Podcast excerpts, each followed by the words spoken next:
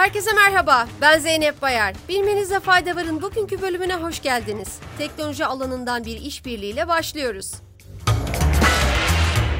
Amerikan teknoloji şirketi Microsoft, yapay zeka ve Web3 üzerinde çalışmak amacıyla blok zinciri Aptos Labs ile stratejik bir ortaklık kurduğunu duyurdu. Yapılan açıklamada kurulan ortaklıkla Web3 kullanımının yaygınlaştırılmasının ve merkeziyetsiz alanda yeni inovasyonlara olanak sağlanmasının amaçlandığı belirtildi.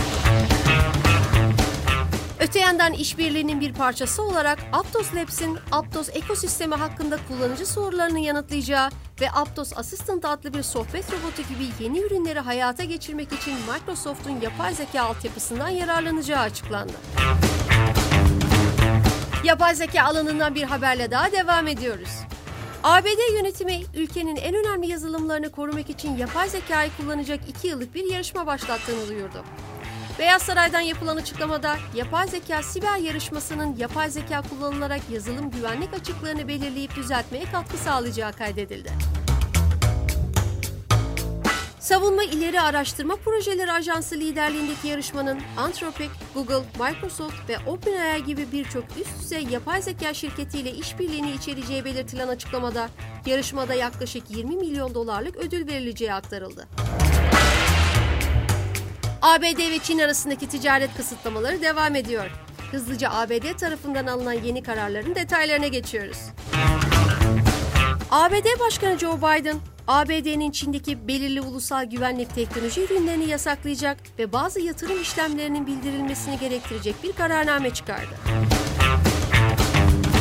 Yönetimin yeni nesil askeri yenilikler için kritik öneme sahip teknolojileri koruyarak Amerika'yı güvende tutmaya kararlı olduğuna dikkat çekilen açıklamada sınır ötesi yatırım akışlarının uzun süredir ABD'nin ekonomik canlılığına katkıda bulunduğu belirtildi.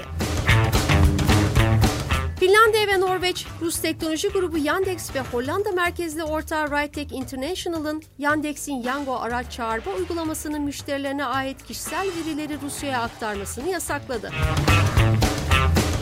Norveç Veri Koruma Kurumu konu hakkında yaptığı açıklamada Norveç'teki kişisel verilerin Yango'dan Rusya'ya aktarıldığı bilgisini aldık. Rus yetkililer Yango aracılığıyla Norveç vatandaşlarının hareketlerini potansiyel olarak izleyebilecekleri için bu durum gizlilik açısından ciddi bir risk söz konusu ifadelerini kullandı. Son haberimiz Zoom'dan geliyor. BBC'nin haberine göre Zoom'un Haziran ayında kullanıma soktuğu, kullanıcıların katıldığı oturumları özetleyen yapay zeka destekli yeni özelliği uzmanların ve kullanıcıların eleştirilerine neden oldu.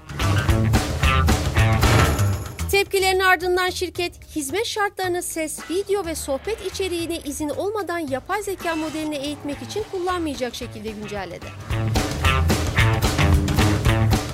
Bilmenizde fayda varın bugünkü bölümünün sonuna geldik. Sağlık ve mutlulukla kalın.